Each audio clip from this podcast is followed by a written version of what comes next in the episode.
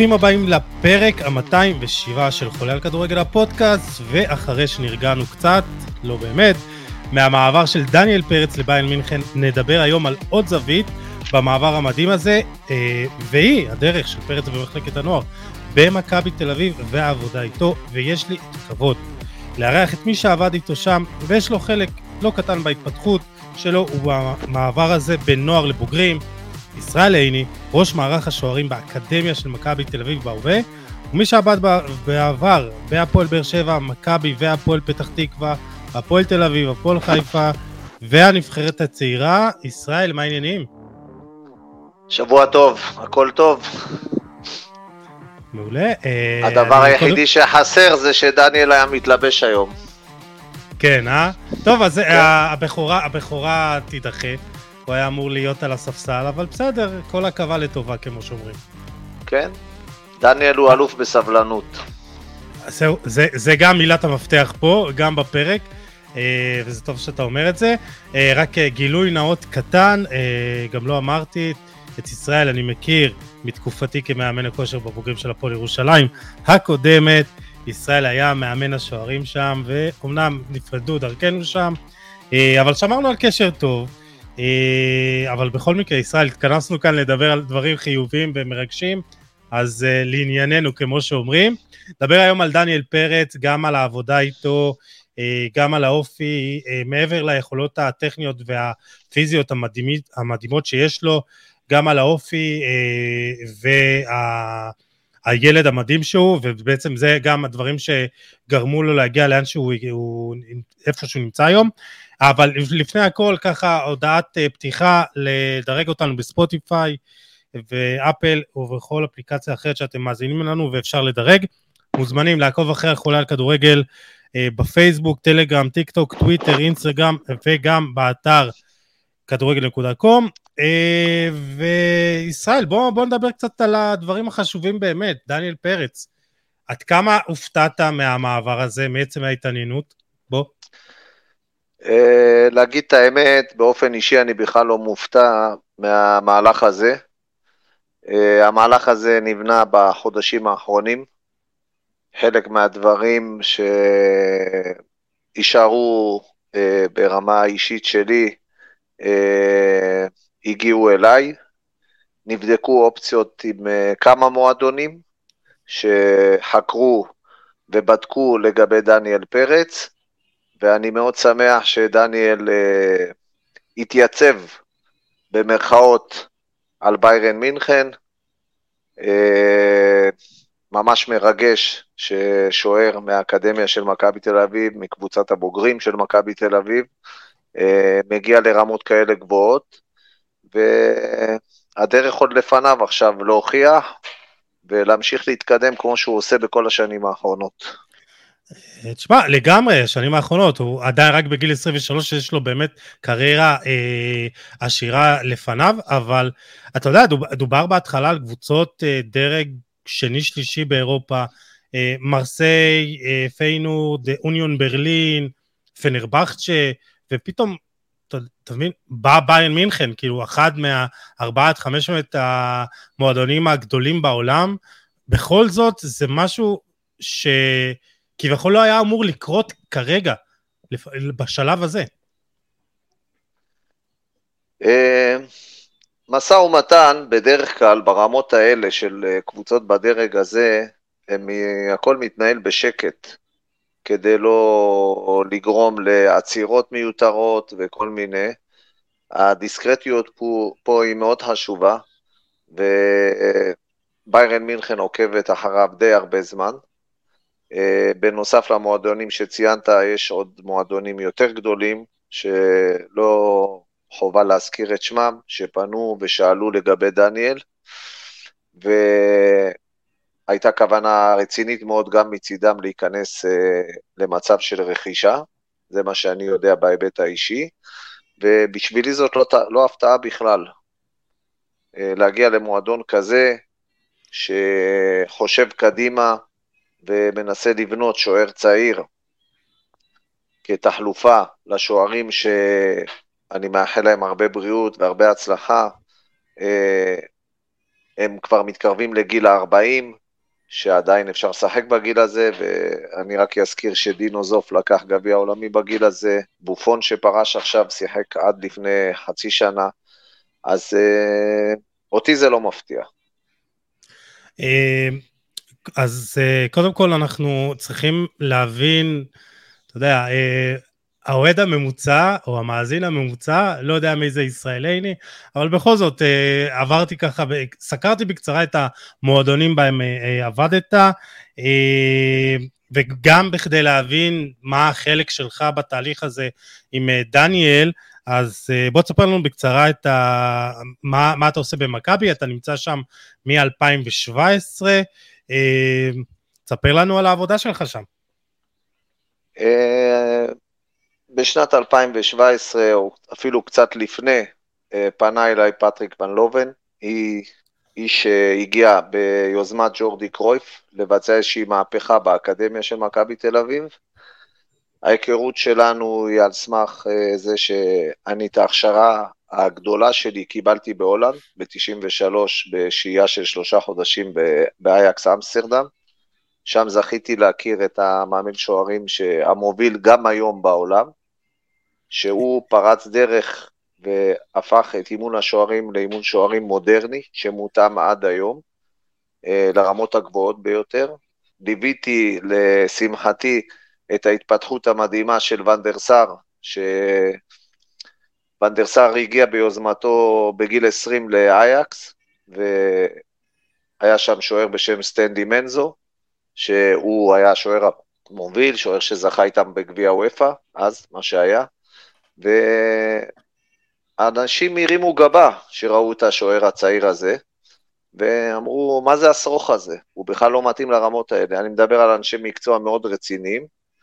אה, ונדר סאר, בעבודה יומיומית, שלמזלי, שוב, צפיתי בה יום-יום. אה, אדם מדהים, מקצוען ברמות הכי גבוהות, אינטליגנציה מדהימה, ושנתיים לאחר מכן הוא זכה בליגת האלופות עם אייקס, הצעירה והטובה. אז uh, זה ההיבט הראשון. Uh, לשמחתי, פרנץ נרתם ב-96 להתחיל את כל נושא אימון השוערים המודרני גם בארץ. ניסינו ליישם את השיטות אימון שלו, את פילוסופיית האימון שלו, על ידי מחנות שוערים, על ידי השתלמויות למאמנים, ו... עד היום אנחנו בקשר. אה, לפרנס יש גם איזושהי נגיעה במעבר של אה, דניאל, אבל זה הדבר היחידי שאני יכול לומר על זה. הבנתי. אה, קודם כל, אני אפרט על הדבר השני, סליחה, שפטריק הגיע לאקדמיה, פנה אליי לתקופת התנסות שנגמרה אחרי שלושה ימים, והתחלתי לעבוד. הקמנו מחדש את מערך המאמני שוערים, שהיה קיים במכבי, עבדו שם אנשים טובים שתרמו לקידום השוערים, אבל הגיעה פילוסופיה שונה לגמרי, שמבחינתי התאימה לי כמו כפפה ליד. השיתוף פעולה עם פטריק היה יוצא מן הכלל, בהקמה מחדש של מערכת, השוער, מערכת אה, מערך אימון השוערים באגודה. הגיעו הרבה מאמני שוערים, חלקם התחלפו כ... אי התאמה או התקדמות שלהם לעמדות בכירות יותר מאימון במחלקת הנוער. אה, משאבים אדירים אה, הושקעו על ידי מיץ' לטובת מחלקת הנוער, ופילוסופיית האימון והדרך שפטריק הקנה גם לשחקנים, ואנחנו רואים את התוצאות שלהם עד היום, וגם לשוערים, בהיבט האישי של העבודה שלי. הם אה, משהו שאני ראיתי אז בהולנד, ולשמחתי קרה במכבי תל אביב. אנחנו רואים עד היום את השחקנים שהגיעו דרך הפילוסופיית האימון הזאת. אנחנו רואים לדעתי, ודעתי הצנועה, שההצלחה הגדולה של הנבחרות היא הגיעה מהדרך שפטריק בנה בארץ. אני זכיתי לראות גם את ווילי רוטנשטיינר, גם את ילך חוס, גם מאמנים שהוא, שהגיעו לפטריק כל בוקר כדי לראות וללמוד ולהתקדם. ואני חושב שהדרך של פטריק זאת הדרך שהובילה את הכדורגל הישראלי ברמה של הנבחרות הצעירות קדימה. כן, אז, אז אמנם זה לא אה, פרק על פטריק ון לוון, אבל אני חושב שזה אה, גם חשוב להבין את ההצלחה הזאת כרגע של דניאל פרץ, דרך הדרך הזו של פטריק אה, ון לוון, והוא הגיע ב-2016 למכבי תל אביב, והיה שם, באמת, בנה שם את מחלקת הנוער מחדש, וגם השיתוף פעולה עם אה, ביתר תל אביב הוא משהו שהיה מאוד חשוב בתהליך הזה. קודם כל חשוב באמת אה, להבין, אה, קודם לפני פטריק, זה בעצם כמה חשובה התרומה של מיץ' גולדהר לכדורגל הישראלי, לא, לא רק למכבי תל אביב, אנחנו רואים את זה עכשיו בהצלחה של גם דניאל פרץ, של אוסקר גלוך, ואנחנו רואים את ה...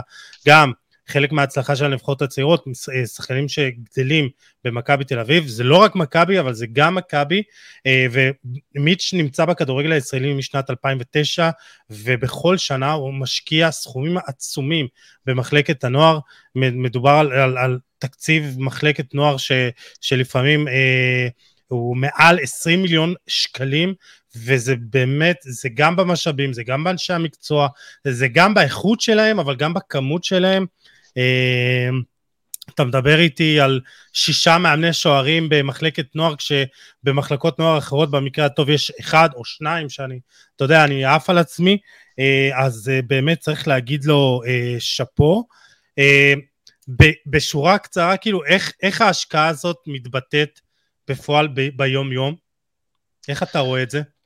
קודם כל, אה, מעבר למחלקת השוערים, יש אה, ממש השקעה רצינית מאוד בכל אנשי המקצוע שעוטפים את השחקן הצעיר במכבי תל אביב, ואני מדבר על ילדים מגיל שבע כבר, שמקבלים מעטפת אה, רצינית מאוד, שמאוד דומה למה שקורה באירופה, מבחינת אנליסטים, מבחינת כושר גופני, פיזיו, מערך רפואי מדהים, כל מה שאתה צריך כדי לעזור לילדים הקטנים האלה להתקדם, קיים במכבי תל אביב. וזה המהפכה הגדולה, לדעתי, שקרתה במכבי תל אביב, וזה הדברים שהיום עוזרים גם לקבוצה הראשונה. אה, כמות השחקנים שנמצאת בקבוצת הבוגרים, אה, כמות השחקנים שמפוזרים היום בליגת על, אחרי שהקבוצת בת אה, נסגרה למעשה, ואני יכול להעיד גם שבשש שנים האחרונות, אה, שישה שוערים קיבלו חוזה בוגרים במכבי תל אביב, זה מההיבט של העבודה שלי. אז אה, אין לזה אח ורע, אבל בלי ההשקעה של מיץ', בלי הדרך ש, שג'ורדי ופטריק התוו במערכת, זה היה בלתי אפשרי. והיום, היום חובת ההוכחה על כולנו היא לשמר את הדברים האלה, להמשיך אותם, ולשאוף לגדל עוד דור ועוד דורות של שחקנים צעירים. אה, ומעבר להכל, אה, כשאתה מגיע למקום עבודה מסודר, שקצת קשה למצוא היום במחלקות נוער בארץ, שמקום עבודה שהוא הפרנסה, שלי הפרנסה העיקרית, אז אתה צריך להתעסק רק בכדורגל, זה מפנה לך את הראש ואת כל האנרגיות לשם, ואני... אתה מדבר ואני מחייך, כי אני, אני חוויתי את זה במשך uh, עשור, וגם עכשיו אני חווה את זה. אבל אז... אני חושב שזה הבסיס העיקרי לפיתוח נוער. קודם כל, תיתן למאמן של הנוער uh, שקט. תראה, השקט הזה הוא, הוא צריך להיות שקט כלכלי, אבל גם יש מעבר לשקט כלכלי, הדבר הראשון שאנחנו צריכים אצל השחקן הצעיר, לדעתי, זה לבוא ליהנות ממה שהוא עושה. ו- ואני יכול לספר בהיבט האישי, אם אני כבר uh, שנה שביעית עכשיו נוסע כל יום מ- מירושלים לתל אביב לאימון בחיוך, עם אנרגיות כאלה, אז uh, גם המערכת היא איזשהו uh, גורם שנותן לי את הבוסט הזה ואת הרצון היומיומי להשקיע בילדים האלה, ולהבדיל מ-25 שנה של אימוני, אימון בוגרים בארץ, אז uh, בשש שנים האחרונות אני חווה משהו שהוא, שהוא מאוד מפרה, uh, הוא מעלה לך את רמת המוטיבציה, uh, אתגרים יומיומיים ואתגרים בלקדם שוערים, לקדם את הדרך של מכבי, אז אה, אלה דברים לא פחות חשובים מיציבות כלכלית או כל דבר אחר. אה, לגמרי, אבל בסופו של דבר זה גם אה, משפיע על, על מה שאתה עושה, כי מאמן שטוב לו, בעצם מייצר שחקנים שהם טובים יותר, אבל בוא נדבר גם על הדרך הזו המקצועית של פטריק ולנאוון, כי אתה מדבר עליו כגורם אולי המשמעותי ביותר בהתוויית ה... בתוצאות שאנחנו רואים עכשיו בעצם. אה, ההשלכה דרך... של דניאל פרץ, של אוסקר גלוך ושל גם שחקנים בצעירים שאנחנו רואים עכשיו. כן, אתה רואה שכבר במשחקים האחרונים, אני אתן עוד דוגמה של אה, רוי רביבו, שאני זוכר אותו כילד צעיר מאוד, אה, מגיע ברכבת מכיוון צפון תל אביב לקריית שלום לאימוני בוקר, הראשון שהיה מגיע לאימונים, וזאת הדרך של. התעסקות רק בכדורגל. הדרך שמעבר לפילוסופיית אימון, עם uh, גישה כזאת או אחרת לאיך משחקים ושיטת 4-3-3 והבילדאפ שלה שמתחיל מהשוערים, אז הקניית כל הערכים של עבודה מקצועית כמו באירופה, כי לי יצא לראות באייקס את זה שלושה חודשים במשך uh, עשר שעות ביום, ואני ראיתי את זה במכבי תל אביב קורה, עם השחקנים במכבי תל אביב או עם השוערים, וזה קודם כל הבסיס. הבסיס הוא, נתנו או נותנים, מכבי תל אביב נתנה את הכל לילדים האלה, אבל מצד שני, הילדים האלה היו מחויבים לעבודה קשה, לעבודה יומיומית, להתפתחות. אה, לא תמיד, דרך אגב, כולם מצליחים, אבל uh, הכל הגיע להם ממש עם אה, כפית לפה, ועבודה קשה הובילה הרבה מהם להתקדם למה שהם היום.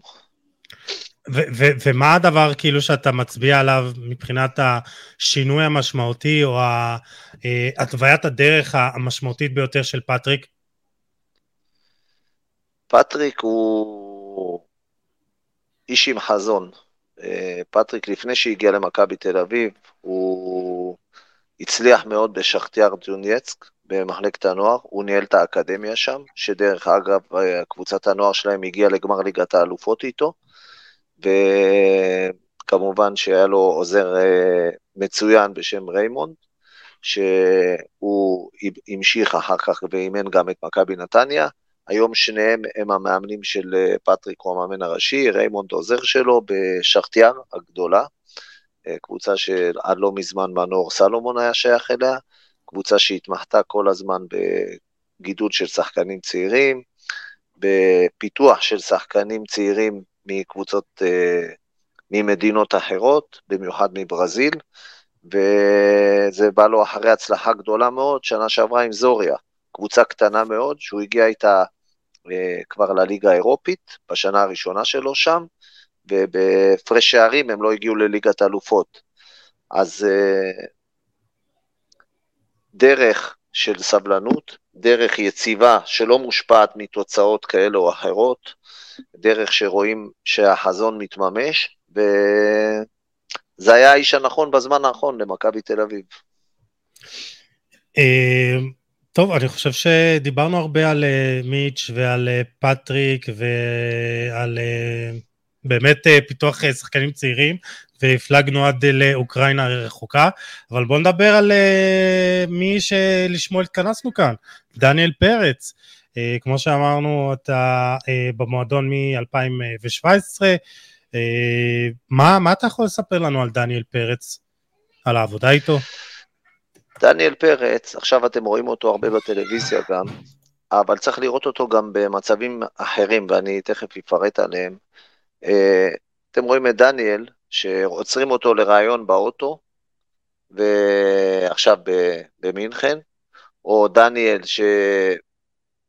שבכל הודעה או בכל מקום שהוא נמצא, הדבר הראשון שאתם יכולים לראות זה החיוך הגדול על הפנים שלו.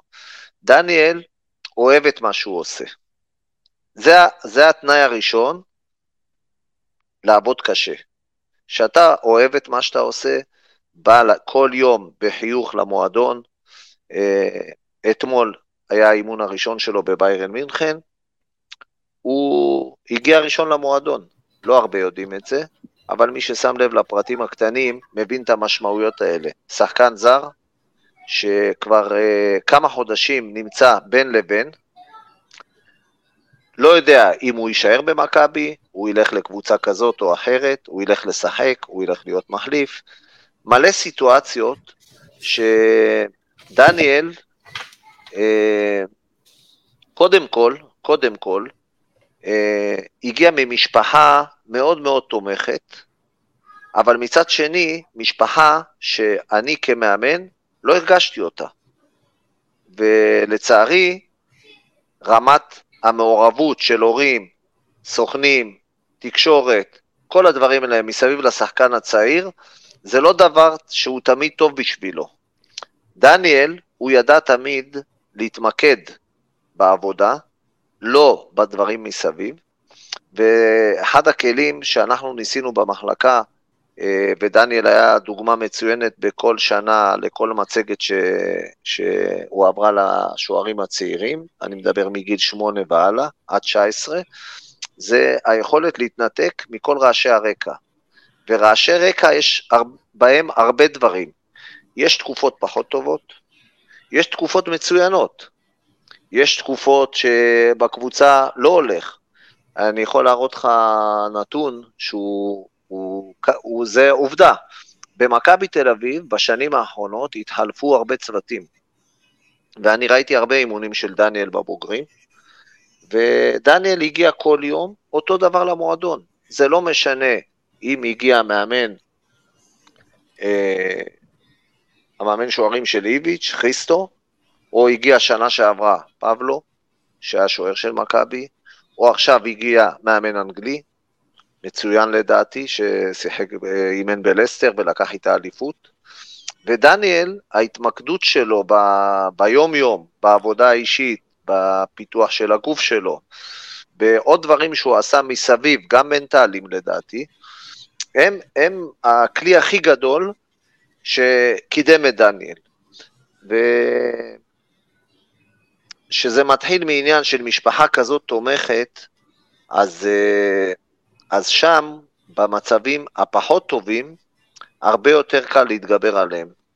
אז זהו, אז לפני שתגיע לכמה איזה נקודות קריטיות שהן בדרך, אני חושב שזה גם משהו שאתה יודע, יצא לי לדבר עם כמה אנשים, וגם בפרק הקודם עם, עם אה, רז אמיר, על, ה, על, ה, על האופי שלו, על, על מוסר העבודה, ו, וזה לא רק דניאל, זה כל מי שבעצם אתה יכול אה, לקחת כל דוגמה בחיים של כל בן אדם, בין אם זה, הוא ספורטאי או בין אם לא, זה, אה, זה האופי, זה המנטלי, זה עד כמה אתה יכול להרים את עצמך דווקא כשלא הולך, כמה אתה ממשיך להיות ממוקד במטרה גם בזמנים שהם פחות אה, מוצלחים. ופה דניאל, אה, במיוחד הדברים האלה אצל דניאל פרץ, בעצם באים לידי ביטוי. כלומר, גם ברגעים האלה שלא הלך, גם בביתר תל אביב, גם בכל מיני אה, סיטואציות במהלך ה... אה, הדרך שלו במחלקת הנוער, דניאל ידע לצלוח אותם. דניאל ידע לצלוח אותם, אה, וזה הדברים שאני יכול לספר, שאחד הדברים שלקחתי ב scouting או בהחלטות על שוערים בארץ, בעבודה שלי פה, זה שני המרכיבים, מעבר ליכולות האישיות, מעבר לכישרון והכול, בעיניי הכי חשובים, הראשון זה אישיות, והשני זה אינטליגנציה. כשמגיע נער או ילד או בוגר יותר ממועדון אחר, אה, לבוא וללמוד מה רוצים לעשות עם השוערים במכבי תל אביב, צריך איזושהי רמת אינטליגנציית משחק ואינטליגנציה מחוץ למגרש כדי להבין את הדברים, כדי להתקדם כמה שיותר מהר. ובלי זה קשה מאוד. כי כישרון, ואנחנו ראינו את זה בהיבטים של שחקנים, של שוערים, של כל מיני, שעבודה קשה, של אי יכולת למידה, וכל מיני אה, פרמטרים של יהירות, של כל מיני דברים, אה, זה עוד דברים יותר חיוביים, הם הדברים ש, שהובילו אותי בבחירה, או בזה שכש... והייתה תקופה, אני קצת יגלוש לשם, בתקופה במחלקת הנוער. דניאל לא היה ממש מוביל. לי סיפרו שלפני שהגעתי באיחוד לנערים ב', אה, רוב המאמנים אה, אמרו שדניאל לא מתאים, והוא לא עובר איחוד. אני הבנתי שדבר זה ראשון... זה רק אה, להגיד למאזינים, איחוד זה בין שתי קבוצות של מכבי תל אביב, צפון, צפון ודרום. ודרום. כן. זה קרה אז מנערים ג' לנערים ב', היום זה קורה מילדים א' לנערים ג'. כל שנה שתי הקבוצות מתאחדות לקבוצה אחת. אז כמובן שכמות השוערים מצטמצמת, כמות השחקנים מצטמצמת, מגיעים גם שחקנים ממקומות אחרים, אה, ולי נאמר שדניאל, הדבר הראשון, הוא אמר שהוא מבחינתו, גם אם הוא יהיה שוער רביעי, הוא לא עוזב את מכבי. שזה הבסיס הכי טוב. הוא בא חדור אמונה שהוא יגיע לאן שהוא רוצה, בגיל צעיר מאוד. הדבר השני זה דניאל גם בתקופה שלי במכבי תל אביב, לא היה שוער מוביל בנבחרות. סתם דוגמה, בנבחרת הצעירה, אסף צור שיחק לפניו. אחרים נוספים בנבחרות יותר צעירות, כן. ודניאל המשיך עם הדרך הברורה שלו. הוא תמיד, דניאל תמיד הציב לו מטרות הכי גבוהות שיכולות להיות. הוא, הוא לא היה מוביל כי הוא לא היה מספיק טוב, או כי... אני, אני לא יודע מה היה בתקופה שלא הייתי, כי אני האמת שאימנתי בוגרים, לא ראיתי אותו הרבה, אבל ובנבחרות? אני באמת בנבחרות הוא לא תמיד הוביל. אה, גם כשאני הייתי במכבי תל אביב הוא לא תמיד נבחר כשוער המוביל בנבחרת, וזה בסדר. יש התפתחות מאוחרת, אולי יש שוערים שהם בתקופה יותר טובה, יש דעות כאלה ואחרות, ויכול להיות שלאותה נקודת זמן הוא לא היה מתאים. אני כן. לא מסכים עם זה, אבל זה חוות דעת של אנשים אחרים, ויכול להיות שיש להם סיבות נכונות.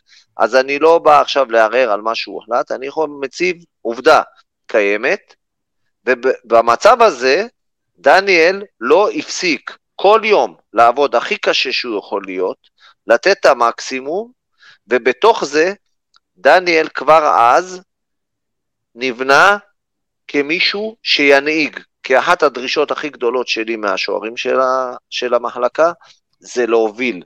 זה להוביל כדוגמה לכולם, כאלה שיכולים להתגבר על קשיים, כאלה שיכולים להרים אחרים מקשיים, כאלה שיכולים להקים קבוצה שלמה מקשיים, וזה קורה הרבה מאוד.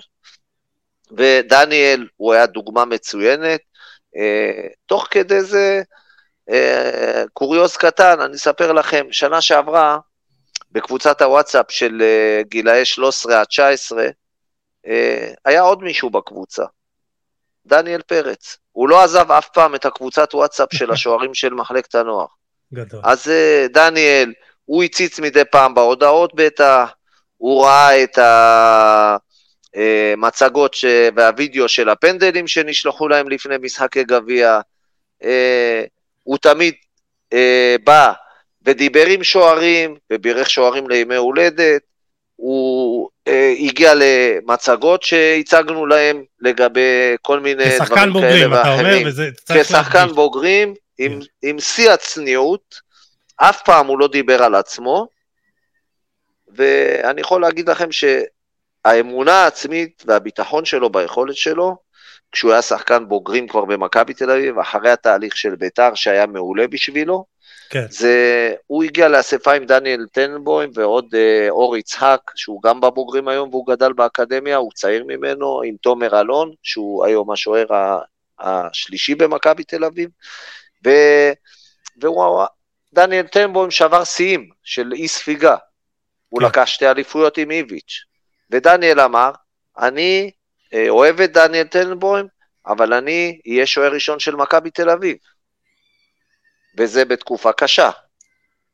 אה, דוגמה נוספת שאפשר לתת על האופי שלו החזק, אה, היה לנו איזשהו פיק לא הכי נעים, בעונה הראשונה שהייתי מאמן שוערים מעבר לעבודה שלי כמנהל מחלקת השוערים, גם בקבוצת הנוער, ועפנו בגביע. שיחקנו בצור שלום, קבוצה קטנה שאני מאוד מכבד כל קבוצה, וזה לא שייך ל... אני לא מזלזל באף אחד. ומכבי עם שחקנים מצוינים, עם מאמנים טובים וזה, דק, 20 שניות לסיום הערכה ב-2-2, החזרת כדור לדניאל, עצירה לא טובה, חטפו לו את הכדור, הפסדנו, 3-2, עפנו מהגביע. דניאל ישב בספסל, התבייש, הוא התבייש לבוא לחדר הלבשה. ישבתי שם איתו איזה רבע שעה, הוא ממש בכה. כאב לו שהעצירת כדור לא טובה, הלא טובה הזאת, היא גרמה להפסד, לדעתו, לדעתי לא. אם אתה מפסיד או מנצח זה לא בגלל טעות כזאת או אחרת, זה לא בגלל שחקן כזה או אחר, ובאותה תקופה גם בליגה לא כל כך הלך.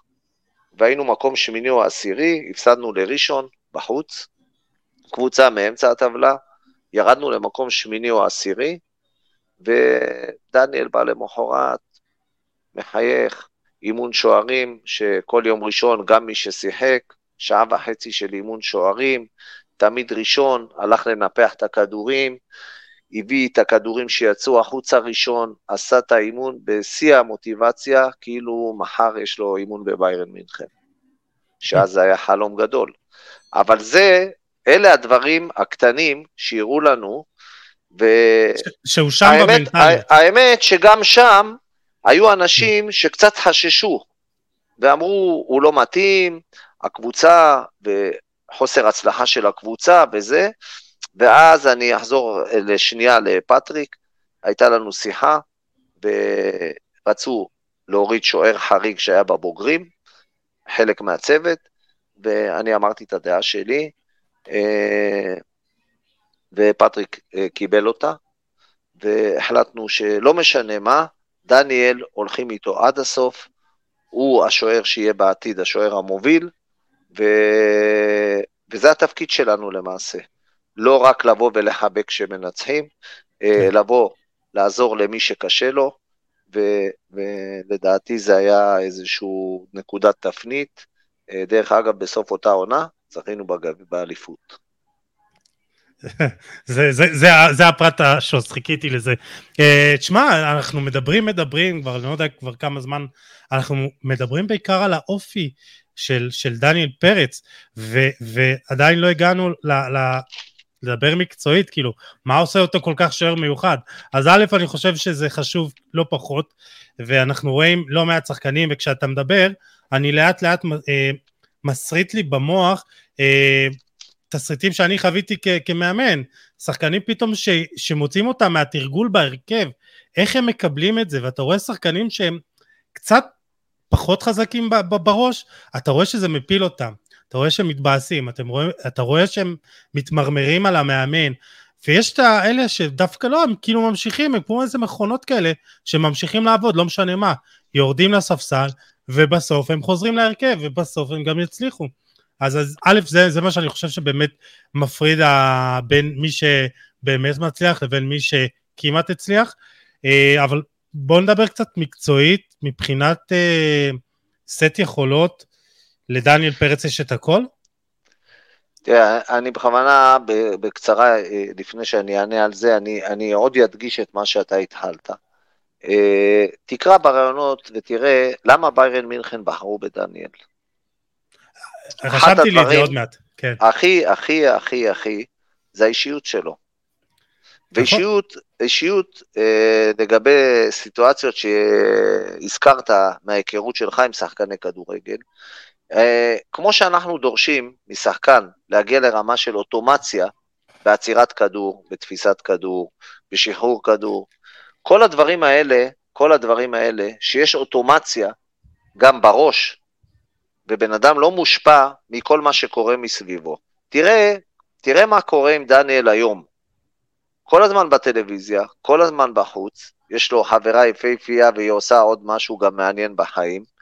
הוא, הוא הגיע למצב שהוא היום כולם חשופים לתקשורת ולאינסטגרם ולפייסבוק ולכל המדיה הזאת, ולא קל להתמודד עם זה.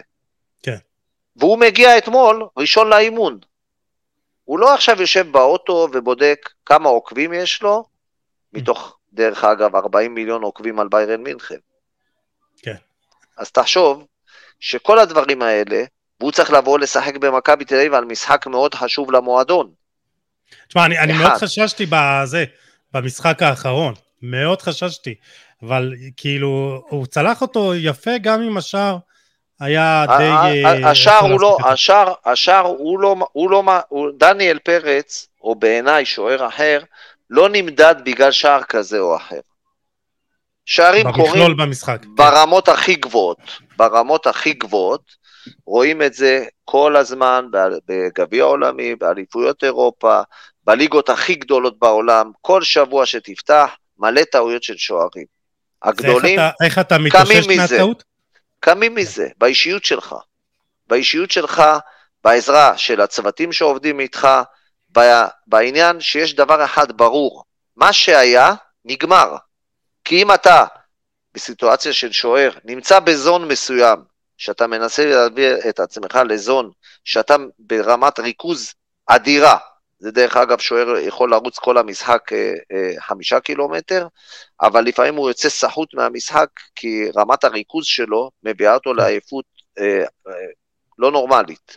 אז זה הדברים, שפתאום משהו מוציא אותך מהזון, ואז עשית טעות, מה קורה בטעות הבאה?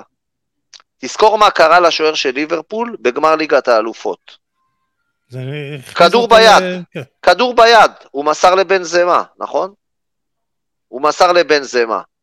כל, כל הסיטואציות איתו, איתו, הוא מנטלית, הוא קרס.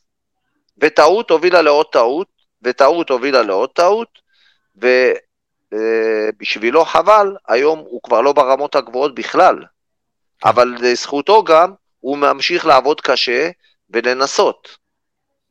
אז, אה, אז זה המצב, שאתה יודע להכניס את עצמך למצב שמה שקרה זה כבר לא חשוב. חשוב עכשיו מה אתה עושה מיד אחרי זה. ובשביל. להיות שם אתה חייב להיות בזון. אם דניאל עוצר שתי פנדלים במשחק נגד גרמניה, כן? אחרי שבמשחק הראשון הם בכלל הפסידו לאנגליה. אז מה קורה? או סדר המשחקים הוא עכשיו לא חשוב, אבל העניין של מה קורה איתו אחרי שהוא עוצר פנדל. הכדור נעדף, או יצא לקרן, מה הוא עושה?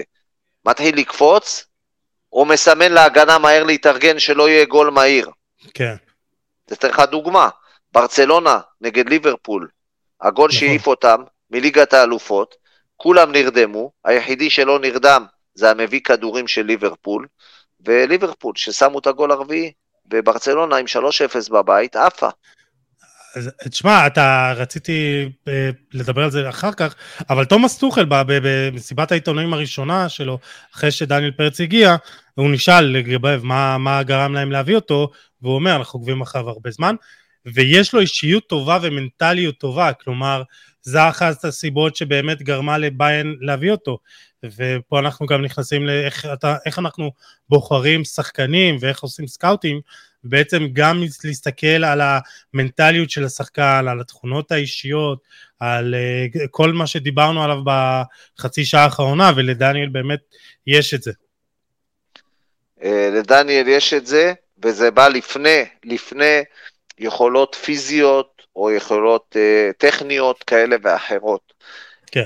בלי, בלי העניין המנטלי, שהיום קבוצה כזאת יודעת שהגיע אליה מישהו שהוא חזק מאוד מנטלית, ההתאמה של דניאל לדרישות, שבמכבי תל אביב יש דרישות גבוהות מאוד, אבל שם הדרישות והרמה והאינטנסיביות היא עוד יותר גבוהה, דניאל ימצא את עצמו מהר מאוד אה, במקום שהוא צריך להיות, הוא יתאים את עצמו בצורה מהירה מאוד לכל הדרישות של ביירן מינכן.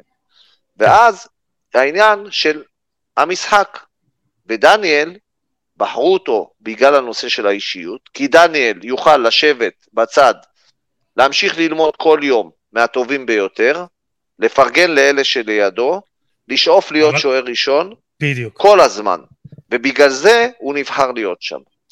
אז, אז בואו נדבר באמת גם על היכולות הטכניות והפיזיות.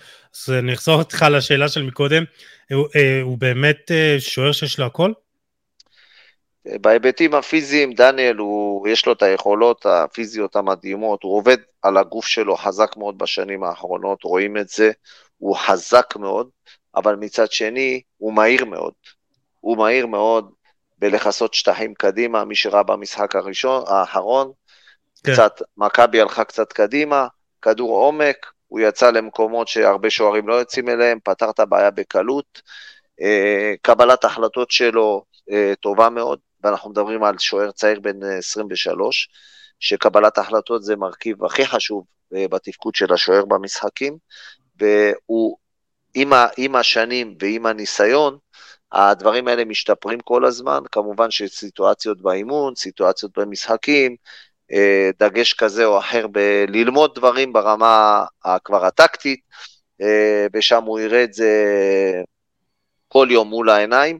אה, לדעתי, לדניאל עוד צריך לעבוד על כמה דברים שהוא צריך עוד לשפר אותם, אבל כן, זה מה, זה מה, דברים מה שאנחנו בדיוק? כבר, אני לא, לא חושב שאני ראוי לדבר על מה דניאל צריך לשפר.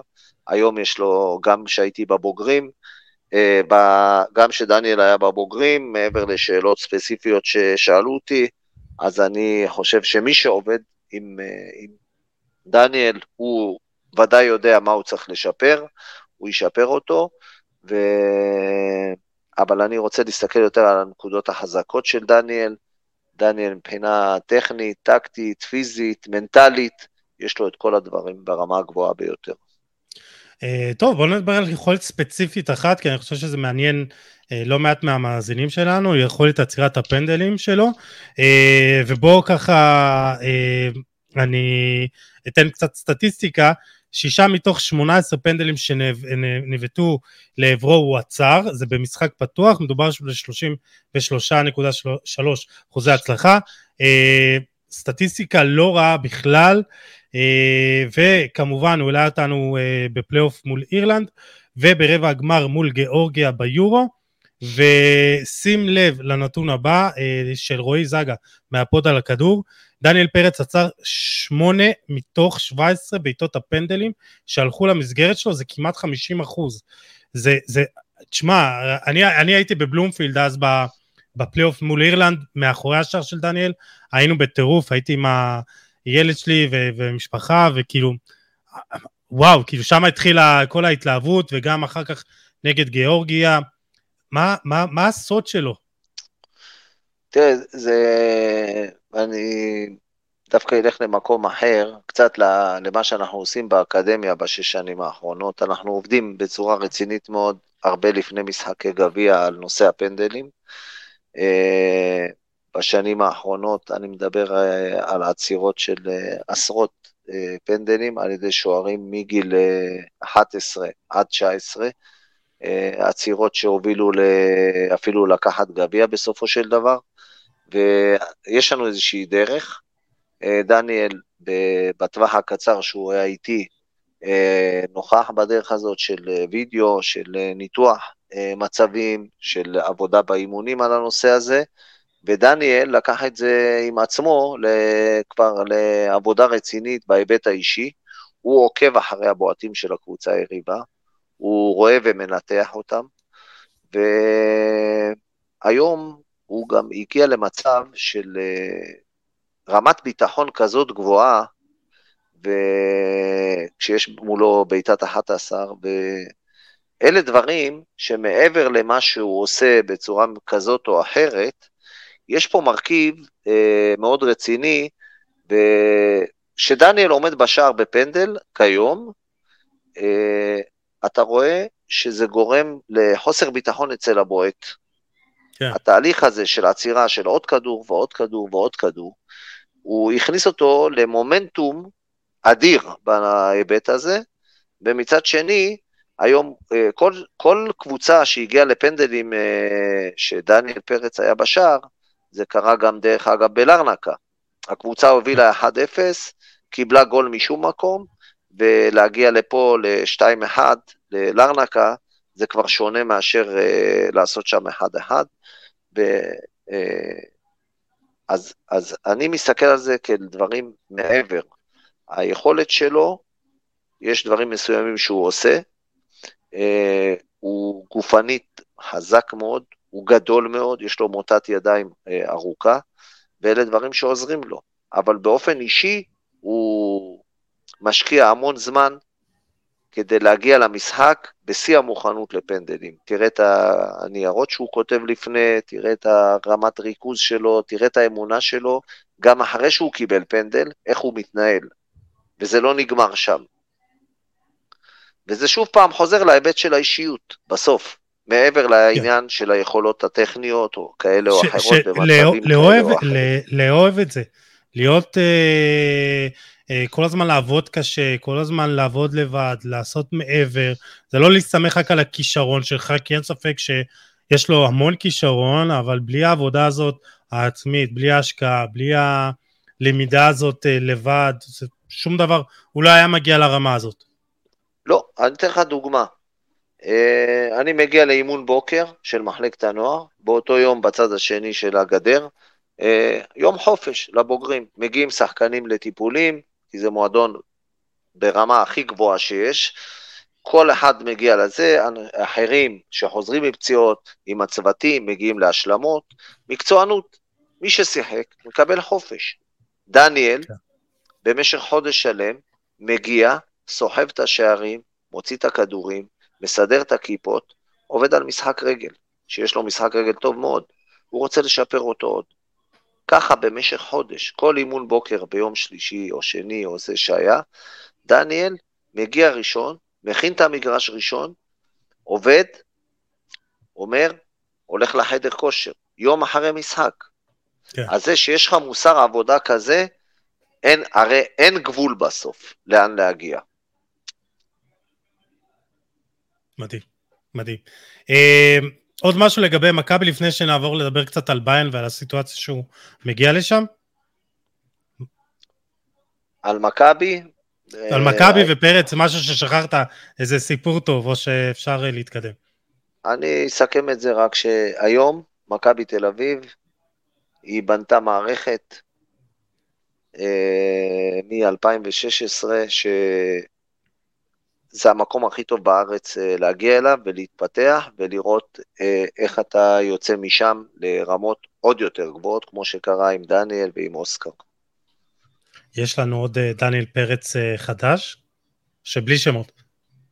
יש מספר שוערים היום שהם במצבת של הבוגרים, יש, שלושה שוער, יש שני שוערים נוספים בקבוצת הנוער, ששנה שעברה קיבלו חוזה לשלוש שנים, אז יש שוערים שמפוזרים בארץ בכל מיני קבוצות אחרות, ברמת בוגרים חלק, אה, ברמת אה, נוער, אה,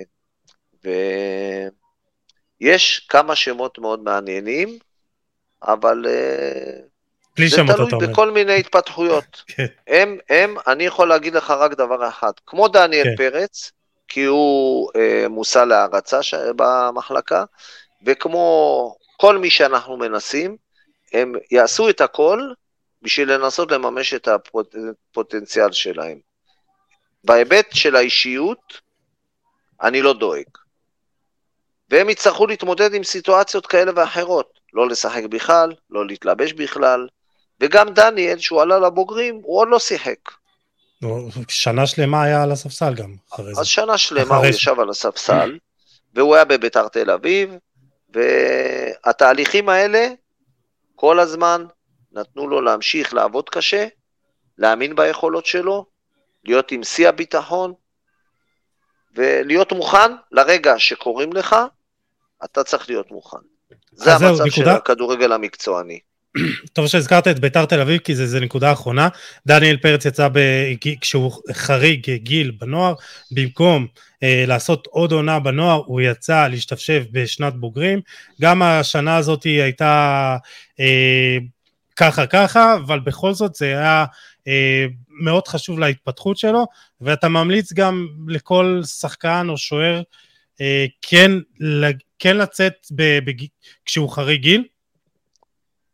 זה מורכב מכמה דברים, כי כשאתה אה, הולך לשחק, השאלה אה, לאיזה מערכת אתה הולך לשחק. זו מערכת yeah. כן. מאורגנת, מערכת שנותנת לך את הכלים להמשיך להתפתח. כי מי שהיה במכבי תל אביב, באקדמיה, בשנים האלה שאני שם, הוא מקבל הכל. כמובן שהוא צריך לתת הכל, אבל הוא מקבל הכל. וללכת פתאום למועדונים שאני לא מזלזל באף מועדון, לא, ולא בשום ליגה ולא בשום מקום, שפתאום אתה מגיע ו... בוא נגיד השמיים נופלים. כן. אין לך את האנליסטים לשוערים, שזה במכבי תל אביב כבר שבע שנים נעשה. אה, אין לך אה, צוות רפואי כזה, אין לך צוות אה, של מערך גופני כזה, אין לך כמות כזאת של מאמני שוערים.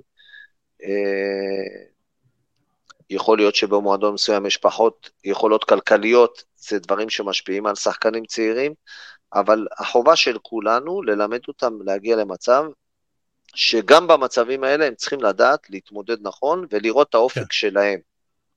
את האופק שלהם.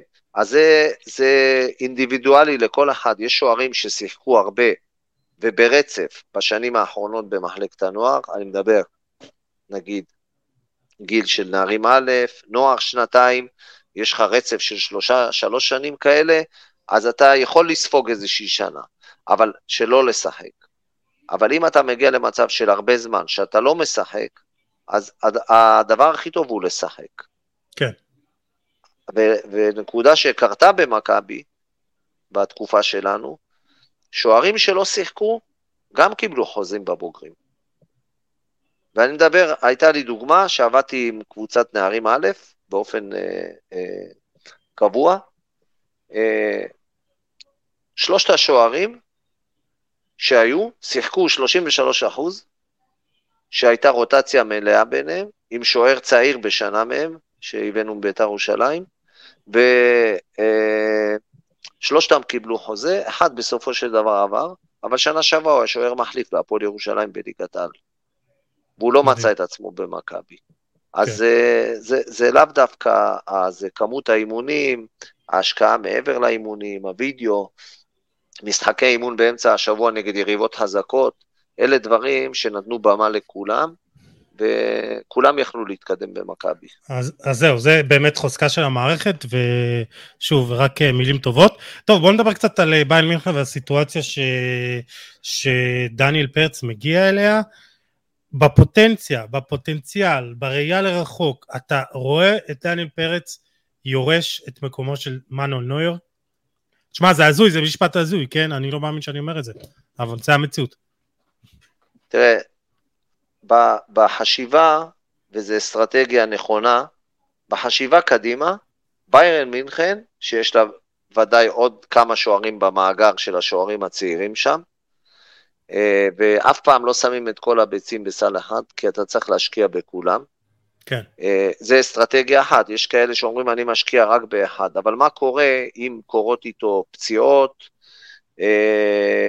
שבר מנטלי כזה אחר שגורם לו פתאום להפסיק לתפקד, לא משנה מה, כל מיני סיטואציות כאלה, אז לא שמים את הביצים בסל אחד, כל הביצים. ואז אני חושב, הדעה האישית שלי, שדניאל פרץ הגיע לביירן מינכן במחשבה להוביל בטווח המתקדם יותר. מה זה אומר? שנויר, לדעתי הוא, הוא ישחק אה, עוד כמה שנים, אבל דניאל הוא אחד שבסופו של דבר הוא יחליף אותו.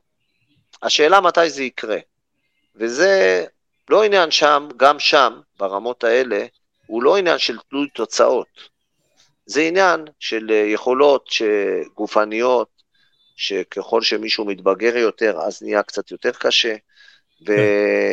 והחלטה אסטרטגית של המועדון, מתי ואיך, לשנות אה, אה, חשיבה על מישהו שכבר הוא לקראת הסוף, ואלה הדברים שיובילו אותם לקבל החלטה מתי. לי אין ספק, אין לי ספק, שדניאל פרץ הגיע לביירן מינכן כדי להוביל אותה בעתיד. אין לי ספק. כן, תשמע, זה, זה מדהים. אה, מנואל נויר אה, בגיל 38, אה, סוון אולרייך גיל 35, כלומר, גם סוון אולרייך השוער השני, הוא דמות מאוד מוערכת, לאו דווקא, הוא ממלא את מקומו של נויר, אבל בעיקר בגלל ה... מעריכים אותו שם בגלל המקצוענות שלו, וגם אחד שיכול לבוא וללמד אה, את דניאל פרץ, ודניאל פרץ יכול ללמוד ממנו, סביבה שהיא מאוד מאוד אה, תומכת. אני חושב שגם מנואל נויר מבין שעכשיו הוא כן צריך להכין את הקרקע לשוער הבא, מה שלא קרה בשנים האחרונות, ראינו לא מעט שוערים שהגיעו אה, מעל כולם, אלכסנדר נובל ב-2020, שבעל תקן יורש, ואנחנו רואים אותו מושל אה, כבר אה, פעם שלישית אה, אה, מביירן, אז דניאל פרץ יש באמת את כל, ה, את כל הגורמים להצלחה, ופה, כמו שאנחנו אומרים, צריך קצת מזל מלמעלה ויהיה בסדר. תראה, אני, דבר אחד אני לא מסכים איתך. ואני יודע מה זה שוערים. אני לא שיחקתי בליגה בכירה, אבל אני יודע איך שוערים חושבים. דניאל אה, נויר, הוא, הוא כל עוד שהוא ירצה לשחק, הוא לא יוותר על זה. כן, הוא ישחק. ונויר, אה, עם כל הכבוד לרצון שלנו שדניאל יהיה כמה שיותר מהר, אה, לא נויר הבא, שהוא יהיה דניאל פרץ של ביירן מינכן. זה מה שאני רוצה שיגידו. ולא נויר הבא, כי זה פחות מעניין אותי, עם כל הכבוד, ויש לי כבוד גדול אליו, אבל uh, דניאל יצטרך להביא פה את העצומות המנטליות שלו, כן. כדי להתמודד עם כל מיני סיטואציות. ו, ובמועדונים האלה צריך תוצאות. ודניאל ידע להתמודד, וכשהוא יצטרך, הוא גם ידע להביא את התוצאות. אז אני, אני סמוך ובטוח ש, שהדרך ה... רק התחילה, והיא תוביל למקומות מצוינים איתו. אז uh, מה יהיה ריאלי מבחינתו? כמה הופעות בגביע, פה ושם להחליף uh, בבונדסליגה? חמש הופעות, שש הופעות, העונה זה אני לא, מגדיר, אני, אני לא מגדיר כלום. אני לא מגדיר כלום. Uh, אני מגדיר דבר אחד. כן. דניאל מוכן בכל רגע נתון לשחק מחר, גם אם הוא יצטרך בליגת האלופות בבתים, בביירן מינכן, נגד מנצ'סטר כן. סיטי. הדבר של להסתכל כמה הוא ישחק או לא ישחק, ולפעמים, אה, בעיניים שלנו כמובן, חוסר סבלנות, זה לא יהיה לדניאל. דניאל היום הוא מנטלית מוכן לכל סיטואציה, גם אם זה לשבת כל השנה על הספסל. גם אם לשבת על הספסל, וזה לא יקרה, לדעתי. כן, כן. אבל הוא ערוך היום, היום, האישיות שלו, הוא מעוצב למקום שהוא יודע להתמודד עם כל סיטואציה. גם לא לשחק בכלל. וזה, אני מדגיש, זה לא יקרה לדעתי. כן.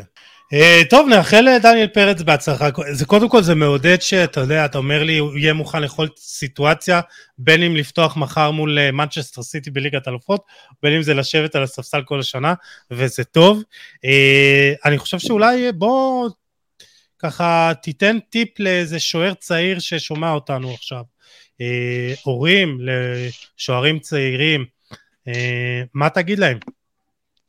אני אגיד להם, אחד, לסמוך על המערכות שהילדים שלהם נמצא, נמצאים שם, אה, לתת לילד להתרכז ולהתמקד בעבודה היומיומית שלו, להרים אותו ולעזור לו כשקשה לו, אה, ולהיות מתואם עם המערכות שאתם נמצאים שם, והכי חשוב זה להאמין שאתה יכול להגיע הכי רחוק שיכול להיות. ודניאל התחיל בגיל 6 באוניברסיטה במכבי תל אביב, היו לו הרבה קשיים, היו לו הצלחות, אבל היה לו חלום, והחלום שלו מתממש. עכשיו הוא צריך לשמור על החלום. זה מה שאני מאחל לכל ילד צעיר ולכל שוער צעיר. Uh, תשמע, אני, חושב שזה פרק, פרק מרתק היה לנו. היה כיף גדול uh, להיחשף גם uh, לצד של uh, דניאל פרץ במחלקת הנוער ובכל הדרך האדירה הזאת שהוא עשה. ואני חושב שיש פה הרבה דברים שאפשר לקחת, גם שוערים, גם שחקנים, גם אנשים בחיים באמת, אה, שבסוף, אתה יודע, מה, ש, מה שגורם לנו להצליח זה איך אנחנו מתנהגים גם כשפחות טוב, ותהיו דניאל פרץ, מה אני אגיד לכם? תודה רבה, היה כיף לדבר, וכיף עוד יותר גדול לראות את דניאל איפה שהוא נמצא היום. לגמרי, בהצלחה לגמרי. לדניאל. בהצלחה לדניאל וישראל עיני, ראש מערך השוערים באקדמיה של מכבי תל אביב. אה, תודה רבה, היה לי לעונג, ואני רוצה ל- להגיד תודה למאזינים והמאזינים שהי- שהיו איתנו. מוזמנים לשתף, לתייג ולהאיר את עינינו. אה, אנחנו ניפגש בפרק הבא עם עוד תוכן מעניין ואיכותי, תשמרו על עצמכם, יאללה, ביי.